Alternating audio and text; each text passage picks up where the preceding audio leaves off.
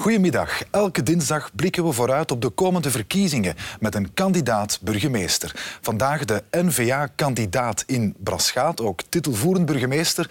En buiten Braschaat ook wel bekender als vicepremier Jan Jambon. Goedemiddag. Goedemiddag. Ik ga meteen met het er in huis vallen. U ziet er als kandidaat-burgemeester, maar eigenlijk zal u zoals nu niet zetelen. Hè? Iemand anders zal het uitvoeren. Ja, het is zeker, ik zal wel zetelen in de gemeenteraad, dat heb ik nu ook gedaan. Hè. Maar moest het uh, naar ons toe komen dat we opnieuw de burgemeester leveren in Braschaat, wat uh, uitdrukkelijk de ambitie is, dan zal het uh, zeker uh, tot de volgende verkiezingen van, van 19 nog in de opstelling zijn gelijk we nu opgesteld ja, zijn. U als vicepremier dan, eventueel dan na 19, maar uw ambities zijn nationaal, zegt ook oppositie. Daar zeggen ze, wie kiest voor Jan Jambon, die zal Jan Jambon niet krijgen. Ja, dat weet ik niet. Ik heb uh, het ambt van burgemeester twee jaar uitgevoerd. Uh, de partij heeft toen uh, andere verantwoordelijkheden genomen en mij gevraagd om die waar te nemen. Dus ik ben daar zeer open naar de kiezer voor. Wij zullen in de eerste periode zeker het mandaat als minister uitdoen. En dan zijn er nieuwe verkiezingen. Dan zien we wel hoe dat, dat, uh, hoe dat, dat loopt. Uh, en wat, onze, wat de rol gaat zijn die onze partij is.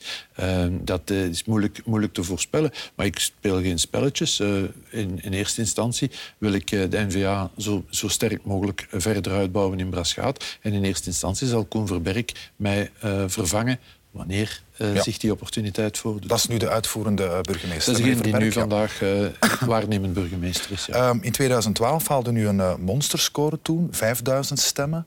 Um, we zijn nu zes jaar verder, ondertussen bekend als vicepremier. Dan mag er nu wat meer zijn. Ja, als je aan verkiezingen meedoet, wil je altijd een stapje vooruit zetten. Maar het was inderdaad een gigantische score vorige keer. Ik denk dat nooit in Braschaat iemand meer stemmen gehaald heeft. Dus ja, de lat ligt hoog. Ook voor de partij, want wat u in Braschaat heeft gedaan is wat een, een type voorbeeld was uh, decennia lang een CVP-CDNV-gemeente. Daar haalt u dan deze score en bestuurt nu uw partij. Er is heel wat werk voor de NVA, momenteel 44 burgemeesters. CD&V, ik dacht 136. Als jullie die lokaal verankerde volkspartij moeten zijn, is dit nu echt het momentum? Moet het nu gebeuren? Ja, we zijn een, part, een tamelijk jonge partij, dus gebouwd op. En het gaat aan een uh, razendsnelle vaart ja. dat we opbouwen. Uh, je, u spreekt van 44 burgemeesters, dat klopt, maar we, zit, we zaten wel in 120 gemeentebesturen. Ja. Dus waar we schepenen dan leveren, niet de burgemeesters, maar wel de schepenen. Wat ons uh, een pak meer bestuurservaring nu heeft gegeven dan bijvoorbeeld zes jaar, zes jaar geleden. En het is daar waar we die bestuurservaring genomen hebben, is nu natuurlijk kwestie om aan de kiezer de verwezenlijkingen voor te leggen en een nieuw mandaat te krijgen.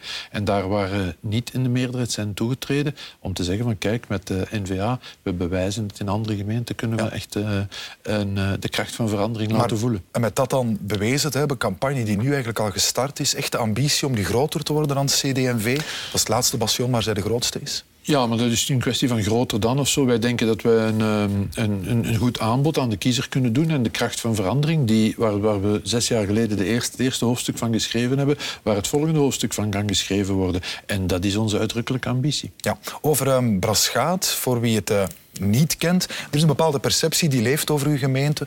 Die gemeente van, van rijke mensen daar in de rand van Antwerpen. Maar we zijn die cijfers eens gaan checken. Interessant, zo'n rijke gemeente is dat niet. Staat in Antwerpen op de zevende plaats. Niet in de top 10 van de rijkste Belgische gemeenten, zoals de Sint Maarten-Latems. Dat is een beetje een foute perceptie die we hebben. Ja, in die zin dat de, de sociale mix in Braschaat heel gezond is, denk ik. Dus je hebt daar inderdaad rijke mensen wonen. Want moest je de top 10 maken van rijkste Vlamingen, zouden er waarschijnlijk wel een paar Braschaat ja, ja, in voorkomen.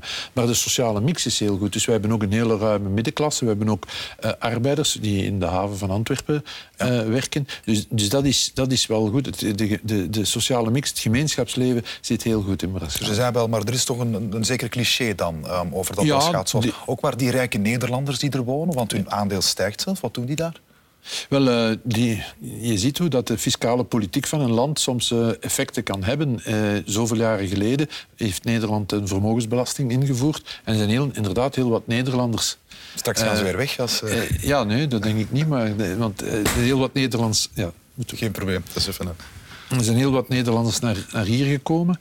En, uh, en, en die, zijn, die zijn blijven wonen omdat het goed is in Braschaat. Ja. Ja. En, maar, maar, en vandaag, inderdaad, zie je in Nederland is bijna, uh, hoe zal ik zeggen, een, een, een slogan van als je gaat wonen in Braschaat, dat is kiezen voor uh, aangename omgeving, groene omgeving om te gaan wonen. En, veel, het heeft een zekere aantrekkingskracht ja, op de Nederlanders. En, en, en groen, inderdaad groen ook onmiskenbaar. Tegelijk zien we ook cijfers nogal een vrij straffe vergrijzing de voorbije tien jaar. Um, om te wonen is er vrij duur. Dreigt zo'n gemeente niet um, in de rand een, een wat mooie maar slaap- en rustgemeente te worden? Wat saai soms? Uh, ik nodig u uit om eens naar Braschaat te komen. bij, bij, uh, bij, momenten is daar absoluut niet saai. Er zijn heel veel festiviteiten die georganiseerd worden en een heel goed gemeenschapsleven. Maar het klopt wel dat, het, uh, dat, de, dat de bevolking veroudert. Nu, dat is ook een algemeen maatschappelijk fenomeen. Ja. En eigenlijk het fenomeen dat wij zien, en ik moet niet verder kijken dan mijn eigen kinderen, is dat zij, wanneer ze in het beroepsleven stappen, zal ik zeggen. Dat ze in eerste instantie naar de stad gaan, gaan wonen om ja, het uitgangsleven en zo in de stad daar nog van te profiteren. Maar wanneer ze dan aan kinderen denken of aan het uh, vormen van een gezin, dat ze dan terugkeren naar de, naar de groene rand en, ja. en, en Braschaat bij uitstek. Dus het is een beetje een wisselwerking tussen, tussen de stad en de, en de randgemeente. Ja, over dat saai trek ik helemaal terug. Hoor. Dat is uh, verkeerd begrepen. Want misschien vanuit een ander standpunt ook, als we door het nieuws gaan, zagen we daar de voorbije jaren... Uh, ja, een, stuk in, het kader van drugstrafiek auto's in brand uh, gestoken. Een bewoner die slaag kreeg door vergissing van huisnummer door gangsters. De moord op een dealer, zeker een Nemo, wiens lijk in een bos er lag. Um, ja, als ik dat allemaal lees, wat is dat daar? Is dat omdat u dicht tegen die grote stad ligt? Um...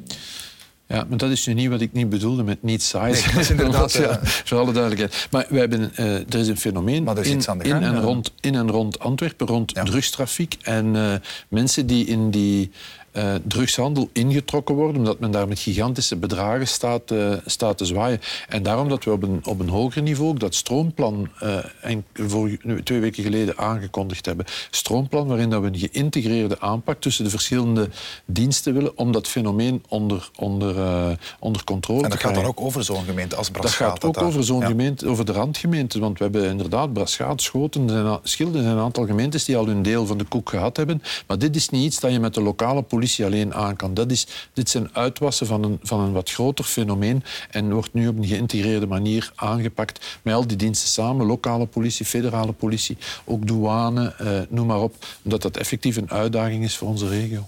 Een uitdaging voor uh, de regio, maar misschien ruimer. U noemt dat stroomplan. Er was eerder ook dan um, in het Brusselse het kanaalplan. Um, ja, als dat tot als dat werkt, tot tevredenheid stemt, kan dat uitgebreid worden? Nu is dat enkel over die twee regio's. Dan kan je daar meer mee doen dan enkel dit? Maar ik hoef maar gewoon de commissaris-generaal van de politie te, te, citeren die op bepaald moment gezegd, heeft eigenlijk zouden we heel het land in het kanaalplan moeten, moeten kunnen steken. Ze bedoelen daar natuurlijk niet dat overal terrordreiging eh, is, maar wel die geïntegreerde werking. Ik denk dat inderdaad dat dat het politiemodel van de toekomst gaat worden, waar we die schotten tussen gerechtelijk en bestuurlijk en als dat we die wat meer uh, weghalen en dat, dat de politie op een veel geïntegreerder manier uh, werkt. In die zin kan u het huidige stroom- en kanaalplan als ik u zo hoor, zijn een soort pilootproject. U... zou het laboratoria kunnen noemen, inderdaad, voor, een, voor iets wat in de toekomst het, uh, de, de manier zou moeten zijn waarop de politie samenwerkt. Overal, dat lijkt... van, niet alleen Antwerpen, maar in Beringen, noem maar op, moet het zo kunnen? Ik denk dat wel, die samenwerking van diensten. Want kijk, het oplossen, zeker als we het over de zwaardere criminaliteit hebben, dat is ja, gelijk het leggen van een puzzel. En het kan zijn dat één iemand maar het kleinste stukje van de puzzel heeft, maar die toch dan uiteindelijk tot de oplossing kan leiden. Dus het is heel belangrijk dat die, dat die dingen samengebracht worden. Dat klinkt eh, misschien tamelijk evident, maar het veiligheidslandschap mm. in, dit, in dit land is altijd zo opgebouwd geweest van die uh, afgescheiden diensten. En ik denk dat nu, zeker met de terror uh, met de ervaring uit de terrorbestrijding die we hebben, dat toch duidelijk is dat die samenwerking dat dat echt de sleutel moet zijn. Een samenwerking of afgescheiden diensten. Um, iemand die het een en ander mispeutert in pakweg West-Vlaanderen, die zich in Braschaat komt vestigen. Um, zou iemand, moet u kunnen zijn profiel kennen of, of ja, informatie? Denk, ja, ik denk dat wel. Hè. Dus de, de, de, de politie moet eigenlijk als een geïntegreerd... We praten ook van de geïntegreerde politie. Het zijn wel uh, een aantal zones, 187 zones. Maar ik denk inderdaad, uitwisseling moet, uh, moet eigenlijk op een veel natuurlijkere manier gebeuren dan dat vandaag het geval is. Dat gaat over slagkracht voor uh, burgemeesters, um, waar uw partij al langer op hamert. Wat juist, wat moet dat juist betekenen? Ook burgemeester Bart de Wever sprak erover. Ja. Ja, en dat is ook waar we wetgevend werk rond aan het doen zijn. Dus waarover gaat dat? Vandaag worden heel veel zaken waar burgemeesters van op de hoogte zijn, eh, dat men rap zegt van ja, maar dat moet gerechtelijk geregeld worden. En dat zijn soms zaken waarvan je zegt, kijk, hier kan de burgemeester toch ook wel, als we die man of vrouw een beetje, een beetje meer slagkracht geven, kan die al veel in, in, in betekenen. Bijvoorbeeld? Ja, ik, ga, ik, geef een voorbeeld, een, een, een motorbende die een, een chapter, leg maar, zeg maar zeggen, een stamlokaal neer, neer moet zetten in een bepaalde gemeente. Ik heb het dan niet over de motorbendes van, ik zal zeggen, de veertiger die een motor koopt en de zondagnamiddag gaat uh, toeren. Dat daar, maar we hebben het dan over de Hells Angels en, en, en andere van die mannen. Waarvan, als je, als je die ziet komen in je gemeente, waar je toch vragen bij kunt stellen. Wel, een burgemeester kan dan eigenlijk al veel dingen in het wettelijk kader van vandaag doen. Ehm, we, hebben die, we hebben daar ook nu methodes voor in, in stelling gebracht dat ze de informatie kunnen hebben om wat ze dan juist kunnen doen.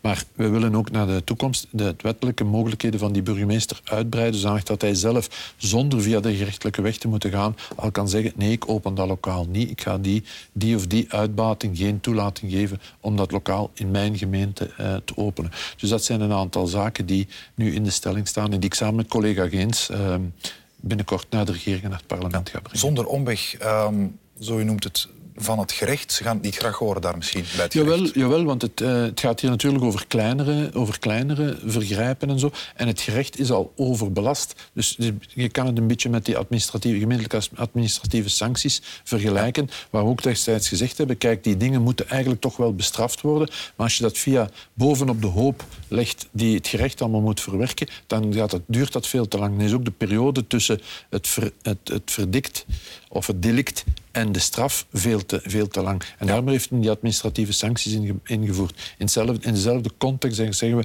geeft die burgemeester, die toch een verantwoord persoon is, verantwoordelijk persoon, geeft hij een beetje, een beetje meer slagkracht en dat zal ook het veiligheidsbeleid ten goede komen. Moeten ze in extremis ook makkelijker iemand bestuurlijk kunnen opsluiten met nadien de toets van de rechter?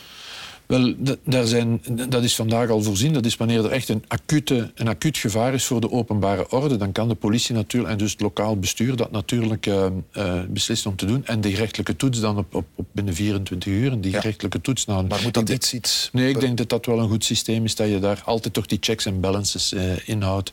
Dat, um, allez, dat, dat de zaken ook gerechtelijk afgedekt zijn. Ja. Burgemeester Bart de Wever die sprak in 2016 over wat het ongelukkige woord misschien wat gewapend bestuur.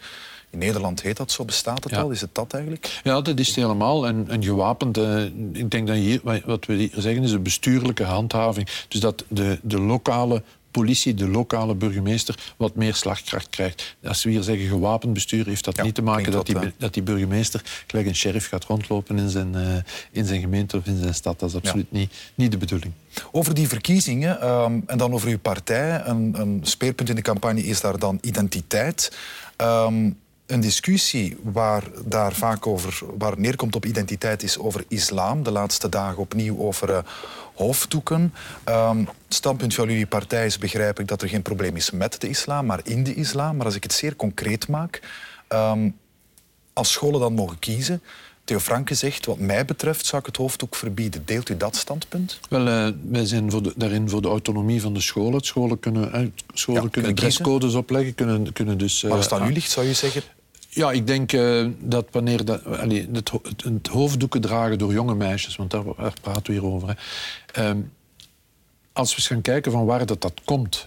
Hè, want iedereen draagt tenslotte wat hij wilt. Daar, daar, daar, ga ik, daar ga ik vanuit. In ja. We zijn een vrije samenleving. Maar als je dan ziet wat de reden is waarom dat die mensen, die meisjes, dergelijke hoofddoeken dragen, dat heeft ermee te maken omdat anders de man in verleiding zou komen en, en, en handtastelijk zou worden dit krijg je toch aan de straatstenen niet uitgelegd. Dat kan toch het verhaal niet zijn. Het, kan, het verhaal kan toch niet zijn dat meisjes, al zeggen ze vaak dat ze dat vrijwillig doen, dat ze zich moeten het gezicht bedekken en zo, omdat anders de mannen in verleiding komen. Ja, ik denk dat bij die mannen de zelfbeheersing moet, uh, mm -hmm. moet aanwezig zijn. Dus als je het verhaal in die context plaatst, dan zie ik zelfs niet goed in dat, dat vrouwenbewegingen zo daar niet, daar niet wat meer tegenin komen. Dus dan zeggen wij, houd dat, houd dat in de scholen buiten, dat je dergelijke boodschappen gaat geven van meisjes, je moet je bedekken om de mannen niet in verleiding te brengen. Ik denk dat dat niet strookt met onze maatschappelijke waarden. Maar dat is een stuk een historische context. De context is misschien gewoon van het schoolmeisje dat dat vrijwillig draagt uit een culturele reflex, omdat het esthetisch ook mooi is. Maar, ja, een wat evidente keuze, zonder die overweging. Ja, maar de vraag is, dat vrijwillige hoe vrijwillig is vrijwillig? Het meisje kan wel zeggen, ik doe het vrijwillig. Maar de vraag is, wel, hoe groot is de druk van, van, van haar omgeving en zo? En ik denk het gewoon, de, de basismotivatie zit, zit verkeerd. Maar en de staat dat beter dan de ouders dan? Uh, ja, dan de schooldirectie. Hè. we praten niet over de schooldirectie. De schooldirectie is natuurlijk verantwoordelijk te zeggen... ik moet hier het reilen en zeilen in, in mijn school uh, um, regelen. En bijvoorbeeld in het Atheneum van Antwerpen, daar was men mm. achtergekomen. Dat inderdaad door meisjes, druk op andere meisjes werd gezet. Je moet en je zult en zo met zo'n hoofddoek rondlopen. Dus als vrijwillig, echt vrijwillig is... Ja, oké, okay, zeg het, de mensen lopen met de zotste dingen soms op, op hun mm. lijf en om hun dingen rond. Maar wanneer daar een, een, een, ja, ik zal maar zeggen, een maatschappelijk project achter zit, gelijk hier, van je moet je bedekken tegen... Allee, dit, gaat toch, uh, dit gaat voor mij toch te ver. Dus dat de school dan zegt van kijk, bij ons, in ons, uh, uh, de dresscode ik herinner mij vroeger de meisjesschool in Genk, waar ik afkomstig van ben. Daar hadden de meisjes ook allemaal geruite rokjes aan en, en, en, weet ik veel wat. Als, als diezelfde school in dat ding bepaalt, geen, geen hoofddoek, dan denk ik dat dat, uh, dat, dat autonomie van de school uh, perfect kan zijn. In het uh, ja, vrij belaten maatschappelijk debat erover twitterde uh, uw voorzitter over het vliegend spaghetti-monster. En dan hashtag soumission, onderwerping. Is dat de angst die leeft? Dat er een idee is, een pijnlijk toekomstbeeld dat wij ons moeten onderwerpen? Want dat zegt u met zo'n hashtag aan een religie. Ja, maar ik denk dat je ook niet alles te letterlijk moet nemen. Ik bedoel, dat was toen van, de, van die secten in Amerika, als ik mij niet vergis, die met een spaghetti vergiet of zoiets op de kop liep. Allee, soms, zijn, soms zijn ook dingen gewoon grappig. Maar wel kwetsend misschien voor degene die ja, dat... Ja, uh... maar goed, maar kwetsend in onze maatschappij zijn er, lopen er toch mensen rond met heel lang tenen. En als je ziet wat de ene soms moet verdragen van de andere en hoe, rap, hoe geraakt anderen dan weer zijn. Ik denk een beetje uh, zin voor humor en een zin voor relativeringsvermogen, dat dat, toch wel, dat dat toch wel op zijn plaats is. Maar ik zeg het nog eens, als de motivatie is van je moet dat ding dragen om mannen niet in verleid brengen, dan heeft dat een vorm van onderdrukking in zich. En daar, moeten we toch, daar kunnen we toch niet in meegaan. Ja, nog over de verkiezingen. Uh, maar het communautaire wordt in de zomer al dat het communautaire weer op, op, op de eisen op tafel zullen gelegd worden. Aan de kiezer zullen uh, voorgelegd uh, worden. Maar dan ehm, zeer concreet, ja, jullie lopen niet met de fanfare voorop naar dat confederalisme. Hè. Het, het, is geen thema in de campagne. Um, waarom niet? Omdat het de mensen niet zou interesseren? Maar ik weet niet of het geen thema in de campagne is. De gemeenteraadsverkiezing is natuurlijk iets ja, anders. 19, maar we zijn, nu zijn we al over de campagne van, 19, van 19 bezig. Als ik goed ben ingelicht, is, heeft ons partij haar verkiezingsprogramma nog niet, uh, nog niet klaar voor 19. Maar ik kan u garanderen, de communautaire en de structuurhervormingen om, om dit land te, aan, aan, aan, aan draai te krijgen en ook aan draai te houden, die structuurveranderingen zijn noodzakelijk. En dat ga je op tafel leggen. En we gaan dat natuurlijk op tafel leggen. Dat is de DNA van onze partij. En, ik heb dat al, al, en iedereen heeft al zo dikwijls gezegd. Om de zaken mogelijk maken die wij willen doen, welvaart, veiligheid, identiteit, heb je structuurhervormingen nodig om dat op lange termijn te verankeren. En daarvoor is een communautaire luik, zal zeker en vast in ons verkiezingsprogramma zijn en zal prominent aanwezig zijn. U moet dan spreken met Franstalig, maar uit peilingen daar blijkt vooral bij MR-kiezers dat u daar, en ook Theo Franke trouwens, best wel uh, populair bent. Er wordt dan gesproken over Premier Jan Bon, wat dacht u als u dat las? Ja, mijn ambitie, mijn ambitie is eerder om paus te worden. Allee, bedoel, je kunt het zo zot niet bedenken. Ik, uh, ik steek zo niet in één, ben daar niet mee, mee bezig. Uh, onze partij heeft uh, op een bepaald moment beoordeeld, en, en ik, was, ik stond ook 500% achter, dat wat op tafel lag om te realiseren, het regeerakkoord, dat, dat, dat daar voldoende ja. eten en drinken in zat. En we hebben de stap gezet naar de federale regering en we hebben de ploeg samengesteld gelijk we dachten dat ze sterk was. Ehm, de volgende ploeg, dat de poppetjes daar verdeeld moeten worden. Er zijn nog wel een aantal tussenstappen te doen. Je moet de verkiezingen nog winnen, je moet de uh, regeringsonderhandelingen nog tot een goed einde brengen en pas dan worden de poppetjes ingevuld. Maar je zou kunnen zeggen van, uh, ook met uw geschiedenis in de Vlaamse beweging en zo meer, ja, premier van België, dat word ik nooit. Ah, maar ik heb altijd gezegd, dat is een hondenjob, uh, premier van, van, van België, dus ik sta daar zeker en vast niet voor te, niet voor te popelen. Maar u zegt geen nee, moest maar ik weet een Zweedse coalitie maar ik weet, hoe dat in de ik weet hoe dat in de politiek is als je zo'n oekase doet van ja, zeker wel of nee, zeker niet. Ja. Vroeg of laat komt dat balken toch op een of andere manier zeggen ze toen heb je dat gezegd. Het is absoluut mijn ambitie niet om premier van dit land te worden. Wat mijn ambitie is om welvaart en, uh, en welzijn in dit land te brengen. En als onze partij daar een steen, niet geen steentje, een ferme steen kan toebrengen, zullen we daar zeker onze verantwoordelijkheid pakken. Ja, hebben onze laatste minuut. U bent van uh, Genk, u zei het daarnet. Uh, zoal Demir daar, zou dat een goede burgemeester zijn? Oh, ik denk dat ze wel eh, een vrouw is met vele kwaliteiten. Ik denk dat ze dat vandaag ook bewijst als staatssecretaris. Ik denk dat ehm, in Genk dat er ook een inbreng van de NVA... Uh, dat dat en zij als lijsttrekker, want dat is nog een vraagteken. En, ja, dat is nog een vraagteken. Ik ga daar ook geen standpunt of geen voorafname in nemen. De mensen zelf gaan dat daar beslissen. Maar dat ze wel een stevige, een stevige kandidaat zou zijn, dat staat buiten kijf. Ja. In 2019 rond de tafel gaan zitten met uh, Hedebouw of met Di Rupo? Oh, ik denk Hedebouw, dat is totaal, uh, totaal onverenigbaar. Zeker wat de sociaal, uh, sociaal-economische... Er zijn plantensplitsen misschien dan. Maar, maar, dan hebben we misschien die Roepo en Hedebouw nodig om uh, samen overeen te komen dat Vlaanderen beter zijn bevoegdheden neemt en, en Wallonië beter hun. Dan denk ik dat we Hedebouw en, de, en die Roepo samen rond de tafel nodig hebben om aan die tweederde meerderheid te komen. Ja, dankjewel meneer Jan Bon. Dankjewel om hier te zijn. Volgende week is er opnieuw debat met opnieuw een verrassende gast om 15 uur op vtmnieuws.be.